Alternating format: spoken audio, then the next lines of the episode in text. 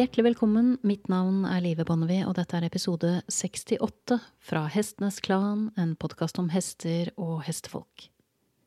Er enten du eller hesten din eller begge to litt lei? Har dere surna, eller mangler dere motivasjon? Da kan det å kontakte noen som spesialiserer seg på positiv trening, og for eksempel kan tilby varianter over temaet triksetrening, åpne nye dører. I dag skal du få møte min gode kollega Sofie som har flere interessante innganger og perspektiver på nettopp dette feltet.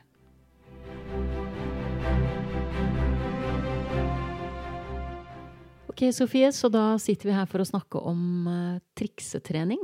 Mm. Som er uh, Er det riktig å si at det er en spesialitet hos deg, eller? Eh, tja Eller føler du at det blir liksom å sikte litt høyt? At det, da ble det litt for alvorlig? Det var mye å leve opp til her. Eh, det er i hvert fall noe jeg har brukt mye tid på, da. Ja. Og syns er veldig gøy og bruker aktivt i trening av eh, både ja, av hest. Og hund. Og hund. Si litt om hvordan det, hvordan det starta. Uh, ja, nei, det startet jo med at jeg hadde ung hest. Som er da Katla, som jeg har fortsatt. som jeg begynte å holde på med når hun var rundt et halvt år. Og da var vi en gjeng eh, som holdt på på den stallen. En eh, god venninnegjeng. Som hadde tilgang på mye hest i mye forskjellig alder, og begynte på en måte å se verdien av å lære de Lære de andre ting, da. Katla var en sånn type som kjeda seg fort og trengte mye utfordringer. Og vi hadde liksom gjort uh, veldig mye av det vi kunne gjøre når hun var på den alderen hun var. Eh, så vi hadde liksom trent mye på signaler og leieturer og miljøtrening og alle de tingene. Jeg eh, tenkte at det var gøy å begynne å lære henne litt eh, andre ting, da. For å på en måte utfordre de mentalt og aktivisere de, og samtidig bygge gode relasjoner, da. Hvor gammel var hun da du begynte med dette? Mm, hvor gammel var hun da? To-tre, kanskje. Og så er hun en islandshest, mm. så det betyr at hun skal da ikke ris noe særlig før hun er fem. Nei. Nei. Det, hun er blitt sparsommelig ridd opp igjennom. opp igjennom. vi, vi, fant vel fort ut at vi syntes det var veldig gøy med bakkearbeid. Ja. Hun er jo ridd inn og har blitt, har blitt mer ridd nå de siste årene, men hun er blitt eh, Hun er, er ikke mye ridd, det er hun ikke. Handler det noe om den kommunikasjonen som du har med henne, at, uh, at, du ikke fikk et veldig sånn rent ja på ridning, eller var det andre ting som gjorde at det ble mye fra bakken med henne? Ja, jeg tror hun syns jo ikke det var sånn kjempe Hun syntes det var morsommere med andre ting enn den ridedelen. Og det gjorde jo også at jeg syntes det var morsommere med andre ting enn den ridedelen. Så har jeg jo stort sett også alltid hatt tilgang på annen ridehest. som sikkert ikke har hjulpet på den situasjonen. Men nå har vi på en måte Ja, altså vi begynte jo å ri mer aktivt når vi kom i et miljø hvor det var flere som red aktivt. Eh, og da syntes hun også det var mer gøy, men det er jo også da linket til at jeg mest sannsynlig syns også det var mer gøy, da. Eh, men innimellom så vil hun ikke på tur, og da tenker jeg ja, da drar vi ikke på tur, da. ikke så farlig. Nei, det er jo den, eh, det er jo den innfallsporten som jeg har med min hest òg. Jeg husker ja. jeg så et intervju med Pignot Mm. Med hestene hans, som jo for de som ikke kjenner ham, jobber mye med Liberty Work og reiser mye rundt med hester som, som gjør fantastiske ting fra bakken. Mm. Og han sa at hvis han kom ned på jordet og hestene ikke kom løpende, så, så, gjorde ikke han noe med dem den dagen. Nei. Enten så har du liksom kontakten der, eller så kan det være det samme. på en måte. Ja. Det kjenner jeg litt igjen i forhold til hvordan jeg tenker. Det høres ut som du er på den, det sporet, du også. Helt klart. Jeg er opptatt av at ting skal være en dialog. Så hvis hun ikke har dagen, så er det helt greit. Innimellom har ikke jeg dagen. Og det, hvis eh, jeg skal få lov til å da si at da trener vi ikke, så må hun også få lov til å si at eh, vet du hva, i dag er det ikke min dag. Det blir litt sånn fint når du sier at du ikke har dagen, for da får man jo litt følelsen av også hva det er vi ofte ber dem om, da. Mm. Å yte når man ikke har dagen, og bli på en måte virkelig oppmuntret, heiet fram eller tvunget alt ettersom til det, er jo ikke alltid så vellykka, rett og slett. Nei, definitivt ikke. Um, innimellom kan det jo være læring i det òg, selvfølgelig. Um, vi er jo alle nødt til å gjøre ting vi ikke vil, når vi ikke vil. Um, og det hører jo med livet, på en måte. men jeg tenker også at når man påtar seg ansvar for dyr, da, så har man et litt ekstra ansvar for at man skal prøve å tilrettelegge for at de skal ha det så fint som mulig. På samme måte med at uh, jeg skulle ønske at jeg kunne drite i å dra på jobb de dagene jeg har dårlige dager. Hvis det er lov å si. Ja. Eh, for det er jo innimellom man bare kjenner at da, dette er Man kommer ikke til å få noe godt ut av å presse seg gjennom. Mens andre ganger så kjenner man også at vet du hva, jeg trenger bare et lite push, så kan det faktisk bli en god opplevelse da. Så det er jo en eh, balansegang. Men det, Definitivt. det tenker jeg også at man, hvis man kjenner hesten sin, så klarer man å se den forskjellen. Da. Så du sto der da med denne unge hesten som hadde et, eh, hva skal jeg si, et eh, travelt hode som trengte å brynes på ting. Det ble på en måte inngangen deres til triksetrening. Mm. Så hvordan grep du det fatt da du var på starten? Nei, vi, det ble jo mye prøv, prøving og feiling, stakkars. Ehm, det var jo Ja, vi var jo som sagt en gjeng da, som begynte på en måte å trene på ting. Og syntes det var gøy å liksom kunne se hva vi faktisk kunne lære de.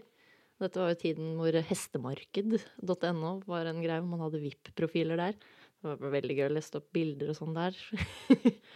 Eh, Back in the days. Um, så det var jo egentlig bare at man Datidens blogg, Instagram, Facebook, på en måte? Ja, Det kan man jo si. Mm. Med veldig dårlig kvalitet på bilder og ikke noe produksjonsverdi. Men det er jo for så vidt greit. Ehm, ja, så var det jo Vi hadde jo vært på Oslo Show da og sett på disse pauseinnslagene med hvor de hadde disse fantastiske showene. Og det er jo den derre Penny-drømmen, da, vet du. Så vi begynte jo på en måte med det, mens min um, hva skal man si, en slags åpenbaring på å systematisere trening kom når jeg var i uh, USA. Jeg har alltid vært veldig Alltid vært litt nerd og vært veldig glad i hvaler og delfiner. Og var liksom obsesst når jeg var liten i de fleste sjøpattedyr. Skulle bli marinbiolog fra jeg var fem og et halvt. Um, helt til jeg fant ut at uh, der måtte man være god i matte. Det er jeg dessverre ikke. Så, så der røyk den. Um, ja, og der uh, når jeg var da i USA, så fikk jeg være med en av de trenerne inn i SeaWorld og se hvordan de trente, trente dyrene der. Um, det er jo ikke et dyrehold eh, jeg kan stå inne for eller støtter eh, kan man si. Eh, Men akkurat treningsdelen er jo faktisk noe de er ganske gode på. Og det ble en litt sånn åpenbaring for meg når jeg så at ok, men du kan jo faktisk lære store sjødyr, eh, sjøpattedyr på flere tonn, som bare kan stikke av under vann, og gjøre ganske fantastiske ting uten å være kjip. Tenkte jeg, vet du det skal jeg jaggu meg få til med hesten også. Så da tok jeg på en måte med meg det, for det de driver med der, er jo klikkertrening. Um, og de har jo da Når jeg skjønte at man kunne legge til en markør, og betinge den markøren til å bety det du gjør nå er riktig, derfor får du belønning, så revolusjonerte det min måte å trene hest på, fordi da kan man forflytte belønningen. Fordi timingen din blir på den markøren, ikke på leveransen av godbiten. Eller en annen positiv forsterker. Og markør for de som ikke er inne i denne måten å tenke på? Eh, nei, det kan jo være enten en faktisk klikker, eh, som er da en liten metallboks som lager en lyd, eller bare et ord. Eller et lyssignal, eller en bevegelse, avhengig av hva slags dyr man trener. Eh, jeg liker jo å ha hendene mine frie når jeg jobber med hest, eh, og bruker derfor et, eh, en markør med stemmen, da, så jeg har liksom ett ord som eh, alltid betyr 'nå får du godbit fordi det du gjorde, var riktig'. Og da er det et kort ord, for litt av greia med klikkeren er jo at den blir veldig presis i forhold til Altså en presis markør, da. Ja. Kort og presis, Ja. og som regel helt lik. Mm. Til den grad en stemme klarer å mimikke det, da. Det er jo fordelen med en faktisk klikker. Den høres jo alltid, alltid lik ut. Eh, men jeg har bra. Eller bare bra. Ikke det smarteste ordet. Vi hadde vel kanskje valgt litt annet ord eh, sånn i etterkant, fordi det er et ord som ofte kommer opp i en vanlig eh, samtale. Og da kan man innimellom se at eh, ponnien tenker ja, ja takk. Da må man jo bare gi, da, fordi det er jo avtalen. Det er jo at den markøren betyr alltid godbit. Eller forsterker. det, ja, nettopp. Så det betyr at det er en fordel å velge da selvfølgelig et kort ord. Ja. Og et ord som ikke inngår så mye i en vanlig samtale normalt. Ja, jeg bruker ofte um, Har uh, brukt mye oi, for eksempel. For det er uh, noe som sjelden kommer i Det er sant. en vanlig setning. og i hesteverden. Og som har en slags litt sånn oppløftende klang ved seg òg, vil jeg si. Ja, og så er det enkelt å si. Man blir litt selv litt sånn ja. som det funker er, på begge parter? Ja. Forsterkende for uh, den som uh, sier det òg. så det Ja.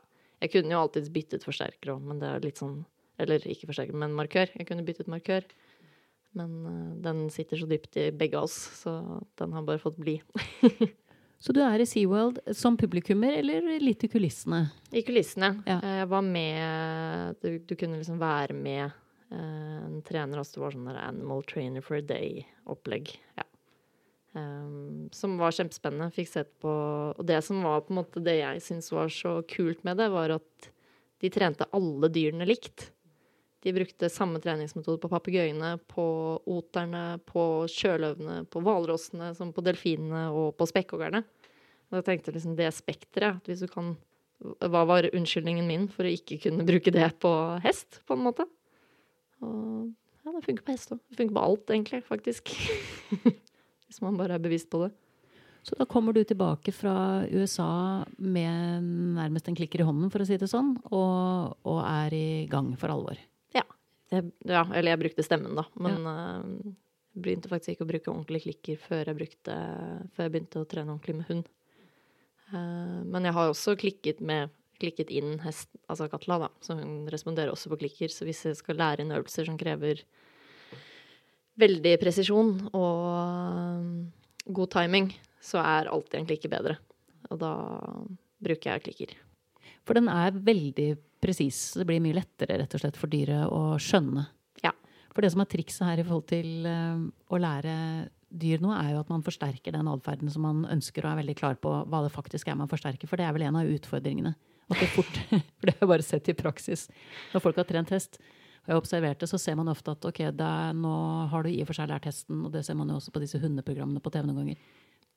Jeg vet hva du prøver å lære, men du lærer det omvendte. Ja, du får det du forsterker, ikke det du ønsker å forsterke. Så det er viktig at man uh, har en klar plan på hva man skal trene, og hva man belønner. Uh, innimellom så får man jo nok attåt. så du kan gjerne få det du faktisk ønsker, men også noe annet som dyret kanskje har lagt til ved en tilfeldighet, og så har du akkurat klikket for det, sånn at de tenker å ja, men da er det de to tingene vi gjør, da. Så ja, man får det man, det man, faktisk forsterker, ikke det man ønsker å forsterke. Er det vanskelig å ta av en bit, hvis den først har kommet på? Mm, både og. Jeg syns det kan være vanskeligere på hund enn med hest. Fordi hunder er ofte tilbyr mer og raskere. Mens en hest eh, er stor og bruker ofte litt mer tid. Samtidig som jeg syns det er fascinerende at eh, veldig få snakker om at jeg føler at hester har, om noe kanskje enda bedre fokus på treningsøkter. De kan holde på lenger og med mer intensitet over lang tid da, um, enn hunder kan. Hunder eh, Jeg når jeg trener hund, så trener veldig ofte kortøkter, pause, kortøkter, pause. Mens med hest kan jeg holde på lenge. Og hva er lenge i denne delen av uh, hesteverdenen? Hmm. ja, det er jo et godt spørsmål.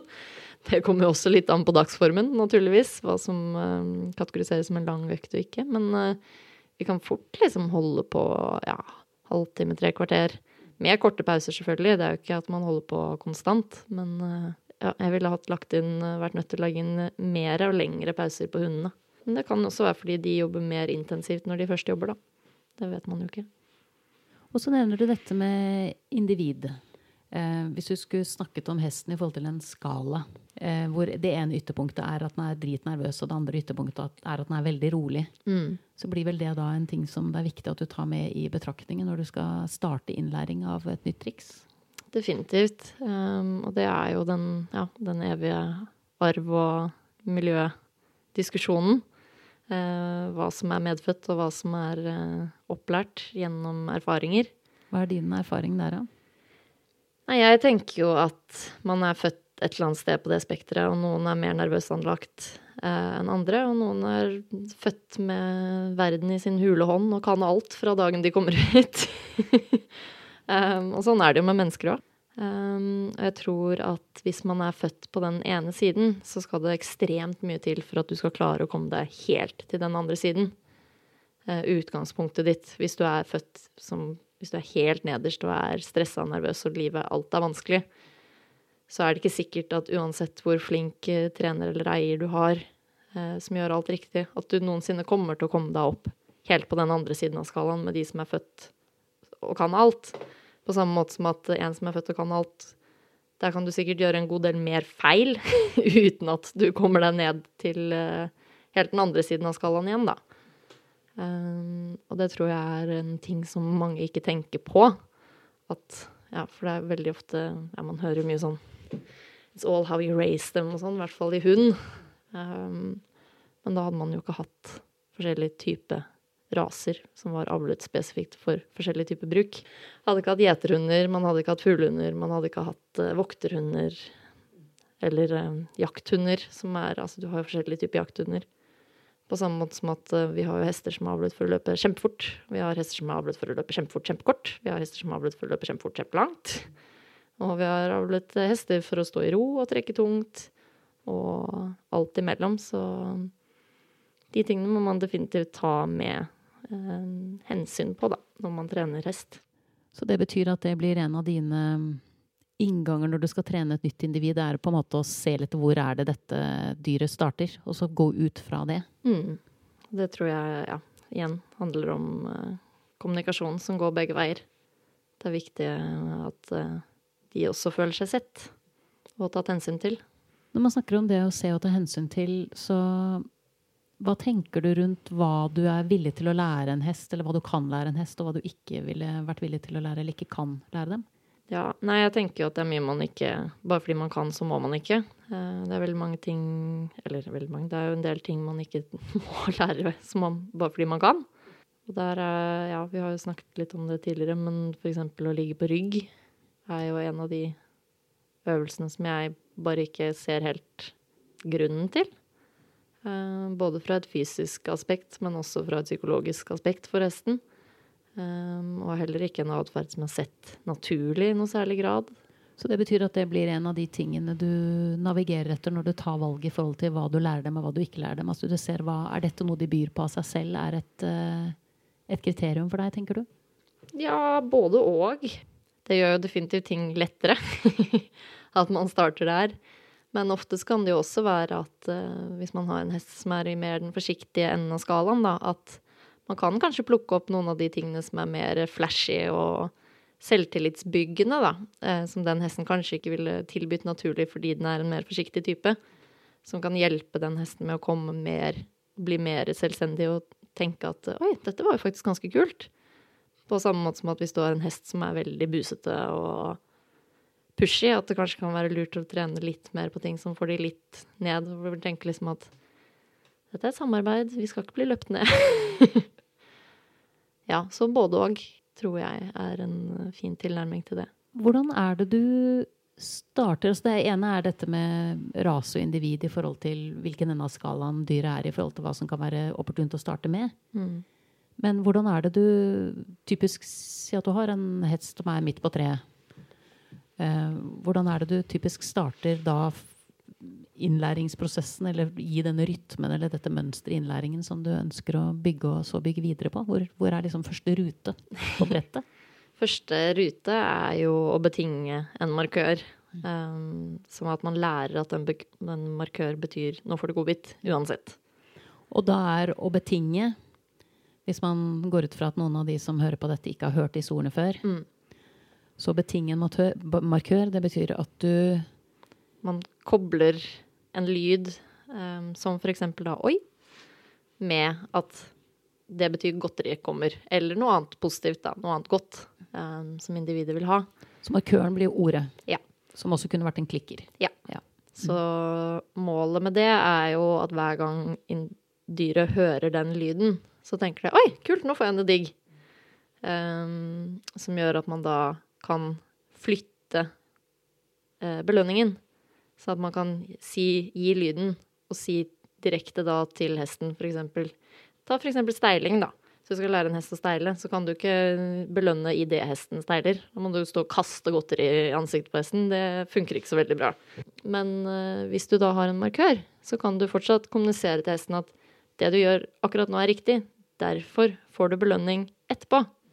Um, og det er den timingen der, altså det at du kan flytte fra at hesten får beskjed om at akkurat det du gjør nå, er riktig, derfor får du godbit snart, som er på en måte clouet, da. Så det er jo det viktigste at man lærer de, at den lyden betyr 'nå kommer det noe godt'. Men så er det jo ofte at eh, med Dette er jo klikktrening, og at ofte så er det jo ikke at man har klikktrening, eller bruker klikktrening aktivt i alle aspektene av hestens liv. Um, så da man, kan man jo få en hest som syns det er veldig gøy, fordi plutselig får den godteri. Og det har den ikke fått før. Så jeg liker ofte å lære de å starte med en relativt uh, ufarlig øvelse. Um, så lærer de å tigge pent, som jeg kaller det. Som er rett og slett bare at de ikke skal gå etter hender. Uh, de skal snu hodet vekk når de har lyst på godteri, som også kalles omvendt lokking. Det skader ingen at de snur hodet vekk om noe, så sier folk at så høflig hest du har. Så er det sånn Sure. Den tigger, den. Den bare tigger på en måte som er akseptabelt for folk flest, da. Uh, I stedet for at man får en hest som uh, går og biter etter uh, hender eller armer eller poser eller ja. Um, det syns jeg ofte er en veldig fin øvelse å starte med. Da får man ofte, også litt innblikk i hvordan hesten responderer på bruk av godbiter. Og samtidig blir også hesten nødt til å lære seg at for å få godteri, så må den ikke prøve å ta det. Og det er en ganske god regel når man skal bruke godteri, syns jeg. For det er jo dette som jeg tror også kan holde folk litt igjen i forhold til å lære triksetrening, at det er et sånt omkved at da får hesten uvaner. Mm. Og det er klart at som du er inne på, som jeg må innrømme at jeg ikke, jeg har ikke brukt klikketrening selv. Mm. Så jeg har egentlig ikke tenkt over hvor, hvor, selvfølgelig det blir et problem.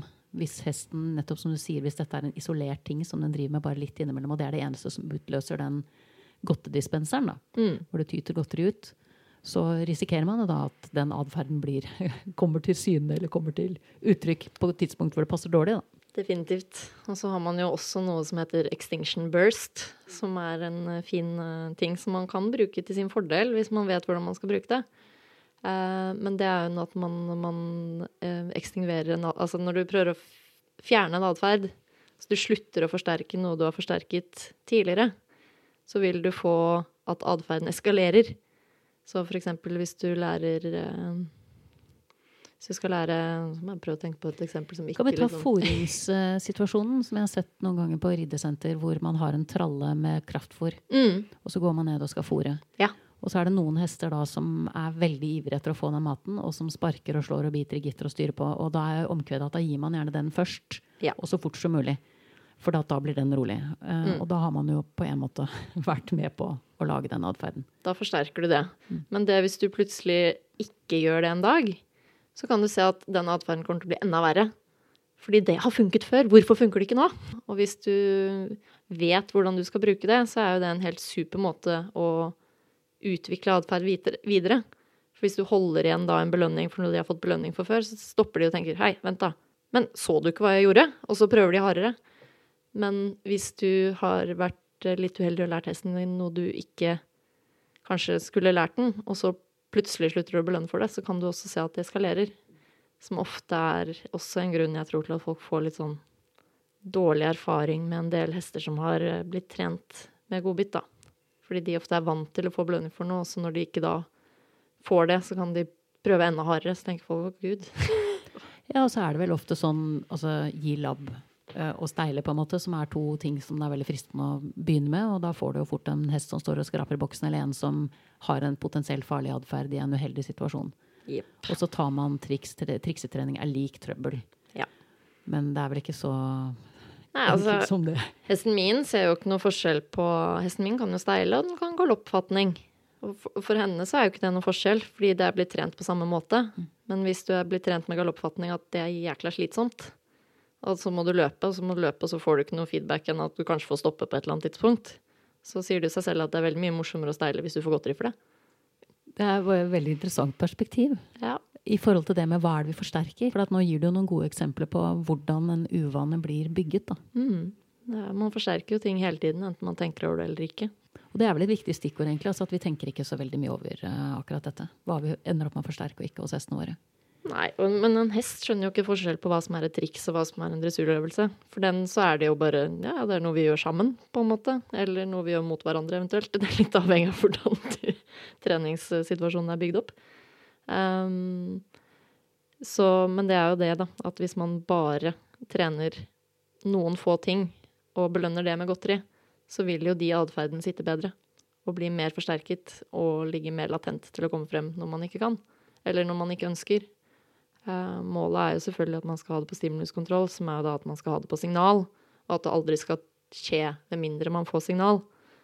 Men hvis man har én eller to øvelser, da, som er det du alltid får godbit for, og alt annet er litt sånn ja ja, så vil jo naturligvis Hvis man har litt lyst på fysen da, på lørdagsgodt, liksom, så kommer jo de atferdene litt frem litt oftere.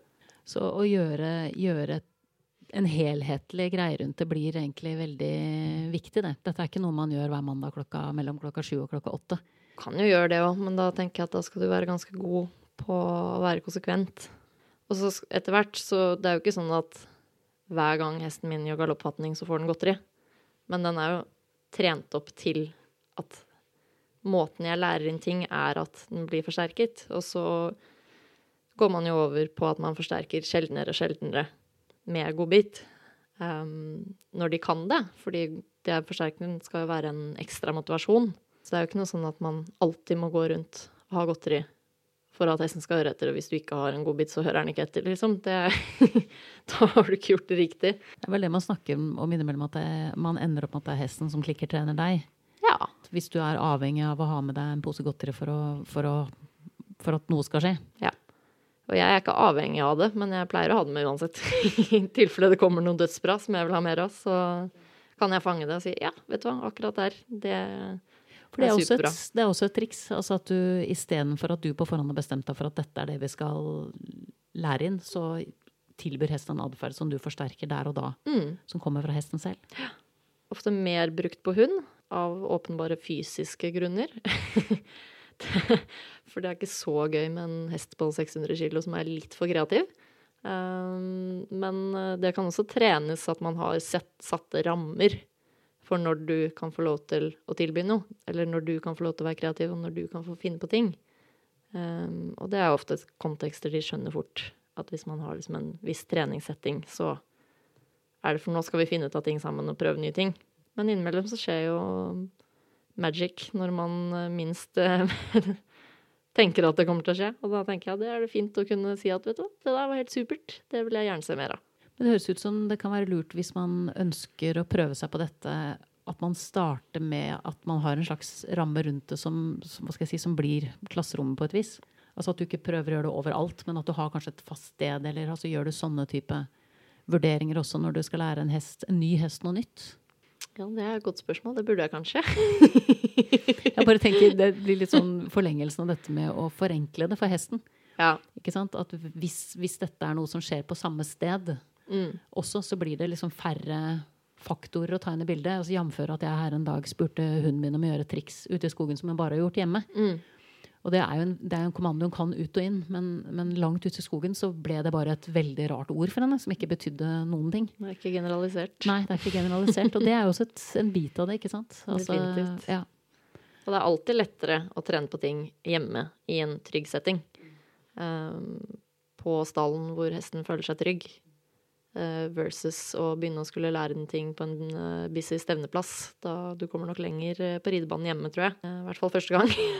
Men så blir vel kanskje også målet hva skal jeg si, å øke vanskelighetsgraden litt, sånn at man etter hvert kan gjøre det hvor som helst. Men det er selvfølgelig, som du sier, fornuftig å starte et sted hvor det er oversiktlig og greit. Da. Ja, definitivt. Og jeg er jo veldig opptatt av i min trening er å legge opp til at man skal lykkes.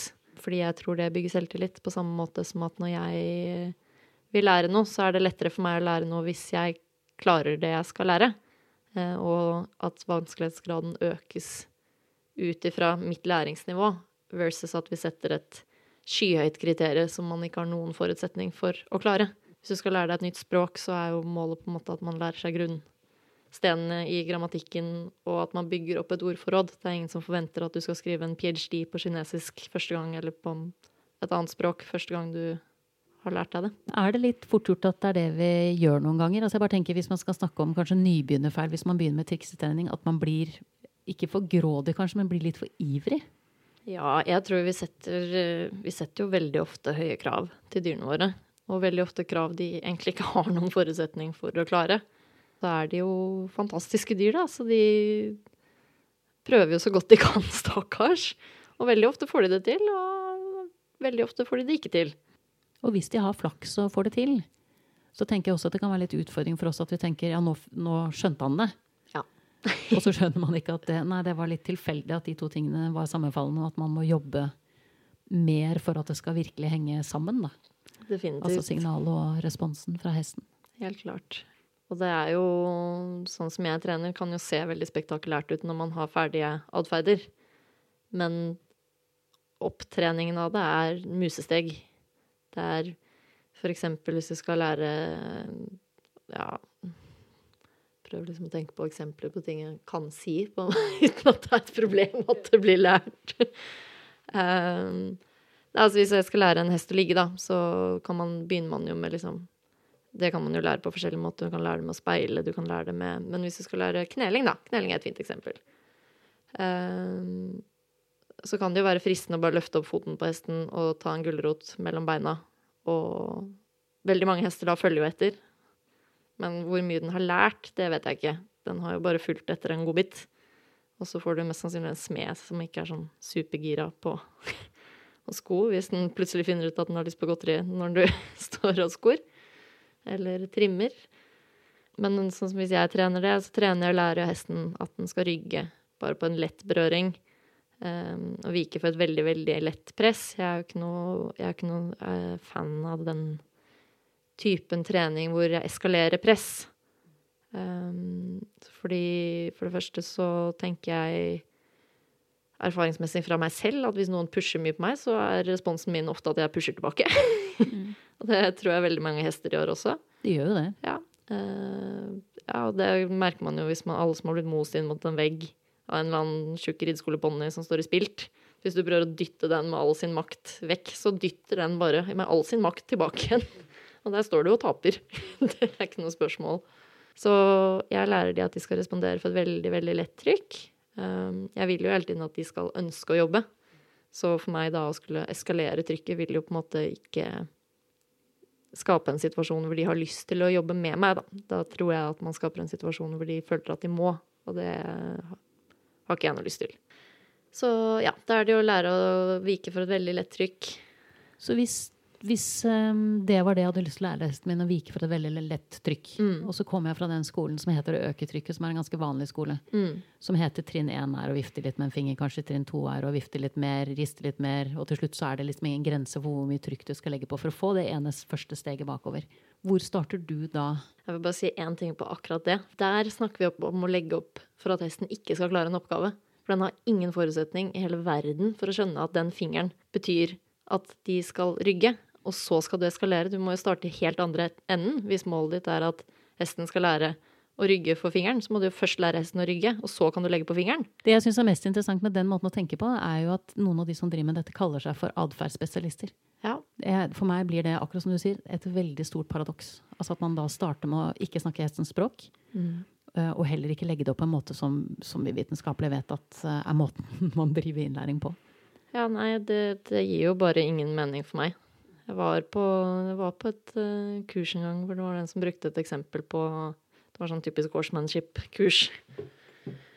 De brukte et eksempel på det, da. At de skulle lære en person å svinge med å eskalere på trykk. Og så var det sånn ha-ha, når jeg ser deg på gata fem ganger fem år etterpå og gjør det, hva gjør du da? Du snur. Jeg bare ja, fordi du er livredd for han psykoen. Ikke fordi du har lyst. Det er mye kulere at du gjør det til en sånn hei, hei, dette har vi lært oss sammen. Når jeg gjør sånn, så gjør du sånn. Så ville du også hatt en mye hyggeligere opplevelse da, hvis du møtte den personen fem år senere på gata. Tenker jeg, da. Så hvis vi tenker da ikke fingeren og eskalere med mer og mer risting i tau, f.eks., så kunne det vært en vanlig måte, så, så står du der med hesten mm. og skal lære den å rygge for minst mulig berøring. Hva blir din inngang? Eh, min inngang er først, eh, først og fremst er jo, tror jeg, at de aller, aller fleste hester fra naturens side er veldig lydhøre og responderer godt på veldig lite kontakt. Veldig lite fysisk kontakt. Eh, og er følsomme. Så det jeg starter med, er bare at jeg ville gått et steg unna. Gått et lite steg mot, med hånden f.eks. mot bogen. Og belønnet enhver tanke bakover. Og der er vi inne på dette med å være observant og god til å lese hesten. For at en tanke bakover mm. er det jo ikke alle som klarer å lese. Nei. Det, det lille vektskiftet som du snakker om, mm. eller den lille mentale, det mentale skiftet i hesten, det er det liksom mange som er blinde for. Mm. Men det, er, altså det jeg beskriver nå, er også en, definitivt et press. Mm. Um, og for en følsom hest så kan jo det også oppleves som ganske mye. Selv om for veldig mange så er det ingenting i forhold til hva de ofte er vant til ellers. Så det må man jo også tenke på. At man må prøve å være så forsiktig som overhodet mulig, tenker jeg, da. Du går først et steg tilbake selv, og så går du mot hesten igjen og har en lett hånd på bogen. Ja. Mm. Hvis jeg trenger den hånda. Det er ikke alltid jeg trenger. Ofte så tenker de liksom å ja, men da går vi bak. Og det lille skiftet som kanskje ikke engang var å gå et skritt bakover, da er du på med markøren din, som er en oi. Ja. Altså det vil si et kort, raskt, lett ord. Mm. Uh, Vi snakket jo litt før vi mm, trykket record på å bruke ordet bra, og at du sa at hadde en veldig god grunn for hvorfor du hadde sluttet å bruke det ordet. Ja, det er jo fordi det er en, øh, et ord som kommer veldig ofte opp i andre settinger, da. Så ja, hadde du en bra kveld i går. Hesten bare Oi, hva gjorde jeg nå? Kult. Og avtalen med denne markøren er jo at hver gang den kommer, så skal de ha godbit. Uh, uavhengig om du som trener har gjort feil eller ikke. Det må du på en måte ta på din kappe. Hvis ikke så mister jo den markøren all sin verdi ganske fort. Så jeg har jo Ja, har jo bruker ikke det så mye lenger. For det er et litt dumt ord. Så når hesten får dette lille skiftet, hvis vi starter der, eller kanskje vi kan Som du sier, det er veldig mange av dem. Altså hester er følsomme dyr, så si du får det første steget tilbake, så er du der og sier oi med en gang, Ja. og det neste er en godbit. Og så prøver vi det et par ganger til, og veldig ofte da så har de allerede skjønt det. Ja. Det tar veldig lite tid før de skjønner det. Noen, noen tar det selvfølgelig lengre tid på. Det, sånn er det jo med mennesker òg. Noen lærer seg å lese fort, andre bruker lengre tid. Men jeg tror aldri løsningen er å eskalere eh, press. Om noe da, så får jeg heller tenke på andre måter. Ok, hva kan vi gjøre da? Eh, hvis du har en hest som er veldig sånn pusher mot, da. Kanskje det kan funke at man får med At man trener litt mer kontakt, oppmerksomhet. Kanskje vi skal løpe en runde sammen, da. Og så Oi, så stopper vi. Hva skjer da? OK, kult. Der tenkte du faktisk litt grann bakover. Superbra. At man kan jobbe seg ut. Ja, man må se det litt an, da. Det høres veldig ut som den, det som er en av mine mantraer, holdt jeg på å si, altså make the right thing easy. Ja. Altså legge det opp på en måte som gjør at testen får mest mulig sjanse til å forstå hva det er som er ønsket eller forventet. Og det er jo kriterier. Man må ha lave kriterier og legge opp treningen sånn at de kan ha sjanse til å klare det. Um, og hvis man er god på det, så får man raskere fremgang. Og så får du ikke minst uh, en hest som har lyst til å gjøre det du ber om, da. det er jo minst like hyggelig, tenker jeg. Jeg syns det er Med min hest, som er trent i såpass lang tid på uh, å trene, hun har jo lært at hun skal lære, så kan jeg jo faktisk bruke det at vi avslutter At det kan bli en straff for henne. Fordi hun har lyst til å fortsette å jobbe. Så hvis hun gjør noe feil, så kan jeg gå et steg vekk. Og det syns jeg er fascinerende at veldig mange bruker som belønning. Fordi jeg tenker at eh, hvis det er en belønning for hesten at jeg går vekk, så er jo ikke jeg noe kul å være med i utgangspunktet. Nei, der kommer dette med trykket, altså press, pressure and release inn, da. At det er nettopp fordi man legger opp treningen sånn at presset er det som er gassen inn. Og da blir nettopp det der at du slutter med det belønningen, som du sier. Det er jo en litt interessant måte å tenke på, må jeg bare si. Altså. Ja, det jeg, Men det er jo kjempeforsterkende for treneren, fordi det veldig ofte så funker det jo. Fordi det er jo ingen som er keen, altså, keen på å ha et tau der inne i ansiktet. Da vil du heller rygge. Men øh, om det er noe hyggelig opplevelse, tviler jeg vel egentlig på. Jeg tror det er veldig mye kulere å lære det inn på en hyggelig måte. Og når du kan lære det inn på en hyggelig måte, så hvorfor gjør man ikke det? Så dialog, eh, mestring, Mm. tid Ja. Viktige stikkord for den måten som du jobber med hester på. Ja, og tid er jo ikke nødvendigvis at det tar lengre tid. Det er jo bare det at man deler det opp i mindre momenter, sånn at det kanskje virker som at det tar lengre tid. Men du får jo også da et mye bedre fundament, da. Og en atferd som sitter sterkere. Og som du kan tenke deg selv, hvis det er noe du syns er skikkelig kult, og noe du syns er skikkelig kjipt, og du får tilbud om å gjøre en av de to tingene, så gjør du jo det du syns er skikkelig kult. Og da har du jo en atferd som sitter mye bedre, da. Og som ofte kan bli forsterkende i seg selv. Fordi du har forsterket den så mye at uh, de syns at uh, den atferden er så kul i seg selv at du kan faktisk bruke, den, bruke en atferd som belønning, da. Det er veldig interessante perspektiver i forhold til det med å ha respekt for resten. Som du sier, altså at det er mye vi kan lære dem, men skal vi lære dem alt som faller oss inn? Jeg liker at du navigerer etter den naturlige atferden og forsterker det de byr på fra før. Mm. Og så er jeg også med på at man kan, man kan pushe og utfordre. oss. er, vi kan jo også lære dem ting som kan være fascinerende for dem, selv om ikke de har fått ideen av å gjøre det naturlig selv. Mm. Men at det er en sånn hårfin balansegang der hvor sånn som jeg ser det da, hvor, hvor verdigheten til hesten eller velferden til hesten settes på spill. altså Sånn som det å legge en hest flatt på ryggen, som jeg har sett en del uh, hestemestere, som eller kaller seg horse masters. Um, Jeg har ikke har- noe lyst til å være noen master og Nei, er- noen hester. Nei, det er også en annen bit av det, men? Det, det er typisk en fyr. Ja. og- og han står over hesten mens den ligger på rygg. eh, Og som vi har snakket om tidligere, før vi trykket rekord også, tror jeg. De kan ikke holde den stillingen selv. Så da holder du på en måte hesten liggende i en kunstig stilling, og så skal du kose mulen samtidig. For det ser hyggelig ut. Og så tenker jeg jøss, det ligner veldig på et overgrep for meg. Sier ikke at det trenger å være det. Det kan være en god relasjon mellom hest og trener, men det, for å si det sånn, det er ikke noe innsalg, da. Nei. I det øyeblikket en trener har sagt 'dette får jeg til', så er det litt sånn Da er jeg ikke så interessert i hva annet du får til. Det er jeg helt enig i. For meg så er, det, er jo mye Altså, ja, hva skal man si? En del ting i en del filosofier kan for meg virke litt som hersing. Og det er igjen da at man skal gjøre det bare fordi man kan. Så er det litt sånn Skal du tvinge hesten til å gjøre noe for å bevise hva? At du kan tvinge en hest til å gjøre noe? Vi har veldig kulturelt og historisk eh, godt fundamentert i oss at det er litt av jobben vår, tror jeg.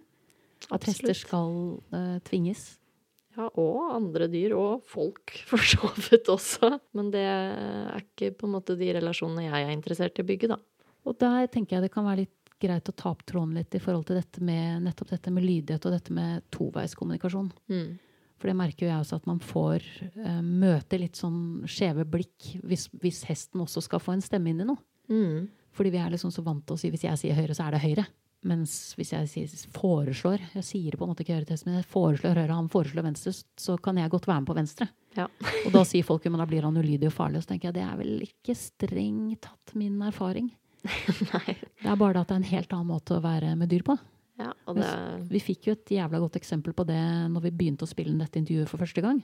eh, For en time siden. eh. For da har du tre hunder. Mhm. En som er fem måneder. Ja. En som er tolv. Ja. Og en som er seks år. seks. Ja, et eller annet sted i midten. Ja.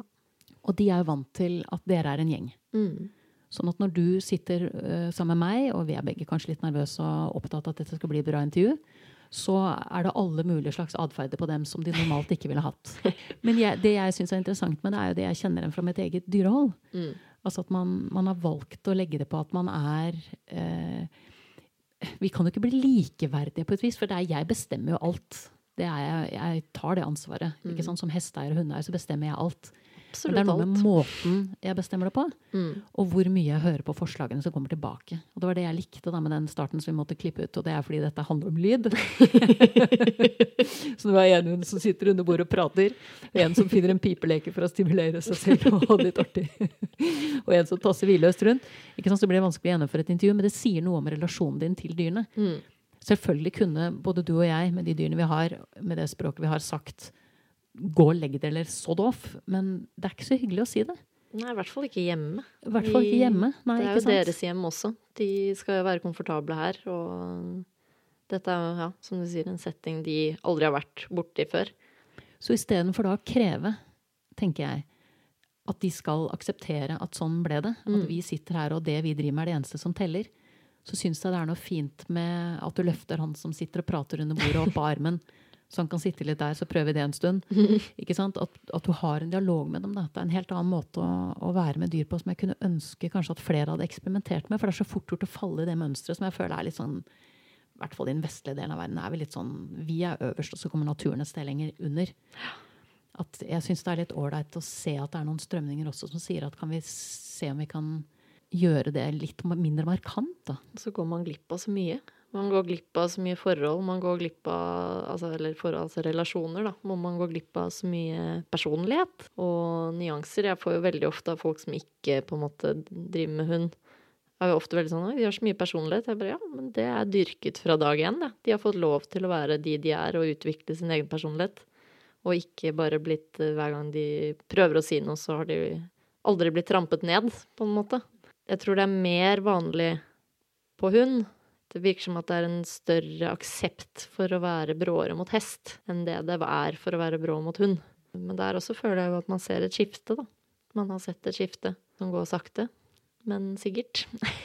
ja, det er min tolkning av det også, at det går sakte, men sikkert. Men jeg tror det handler mye om, handler mye om størrelsen. Altså at det er vel fort gjort å bli mer engstelig. Altså Jf. deg som var i SeaWorld med Tillicum og disse store dyrene som de hadde der. Altså, der har du en spekkhugger som ved to eller tre anledninger tar tak i treneren, og du har en som dør, og en som er bare en millimeter fra å dø. Det er store dyr, så man føler at man trenger å ha en viss disiplin eller kontroll for å overleve på et vis. Da. Og så har man kanskje låst seg litt fast i det mønsteret og tenkt at uh, ja, men jf. når man skulle begynne å ri for første gangen, det er en av mine favoritthistorier. Jeg er jo i underkant av ti år, eh, og nå skal jeg endelig, etter å ha gnålt i årevis, få lov å begynne å ri. Og på julaften så får jeg to ting. Jeg får en pisk, mm. som jeg syns er kjempeinteressant. At man skal gi en unge god jul.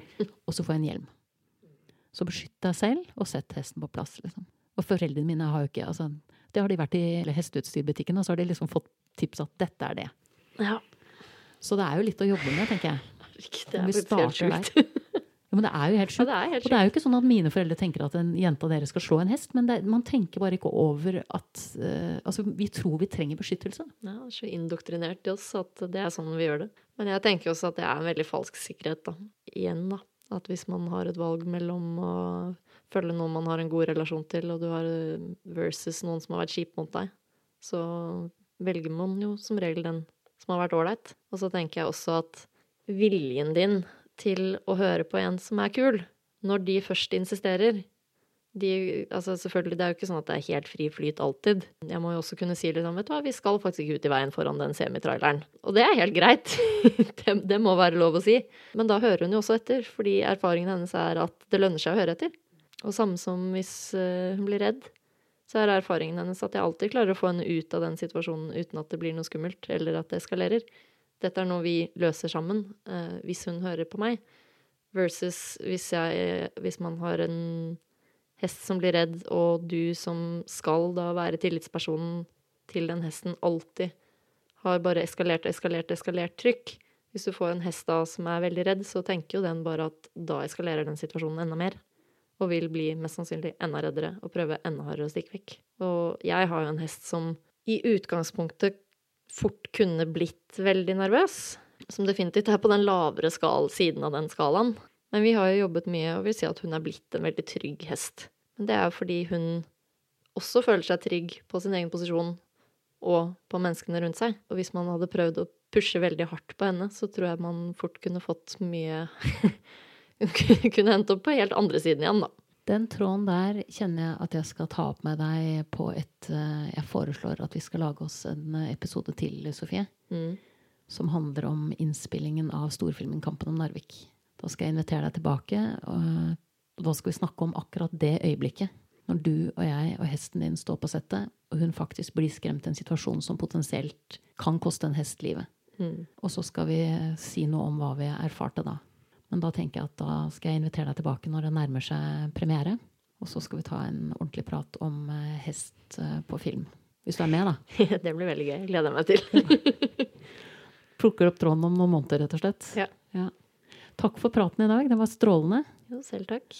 Også, veldig gøy. Ja, Hunde, hundefritt. hundefritt. ja, for det ble løsningen til slutt, at de var ute en stund mens vi holdt på. ja. Men er, jeg tenker også at det er noe veldig fint med å vite hvor er det de er komfortable i den situasjonen som vi har lagd. Mm. Istedenfor å forvente at de på en måte skal At deres instinkter, at deres uh, følelser i dette betyr ingenting. Mm. At du har noen tanker om da hvor kan de være, sånn at de får det ålreit mens vi holder på. Mm. Og vi også sånn sett får laget et intervju hvor det er bare oss stort sett, og litt kjøleskap. Litt lettere for oss. ja. Men da snakkes vi igjen. Det gjør vi. Strålende. Du har nettopp hørt episode 68 fra Hestenes Klan, en podkast om hester og hestefolk. Takk til min gjest Sofie, takk til min faste komponist Fredrik Blom, og sist, men ikke minst takk til deg, kjære lytter, for tålmodigheten. Måtte hesten for alltid være med deg.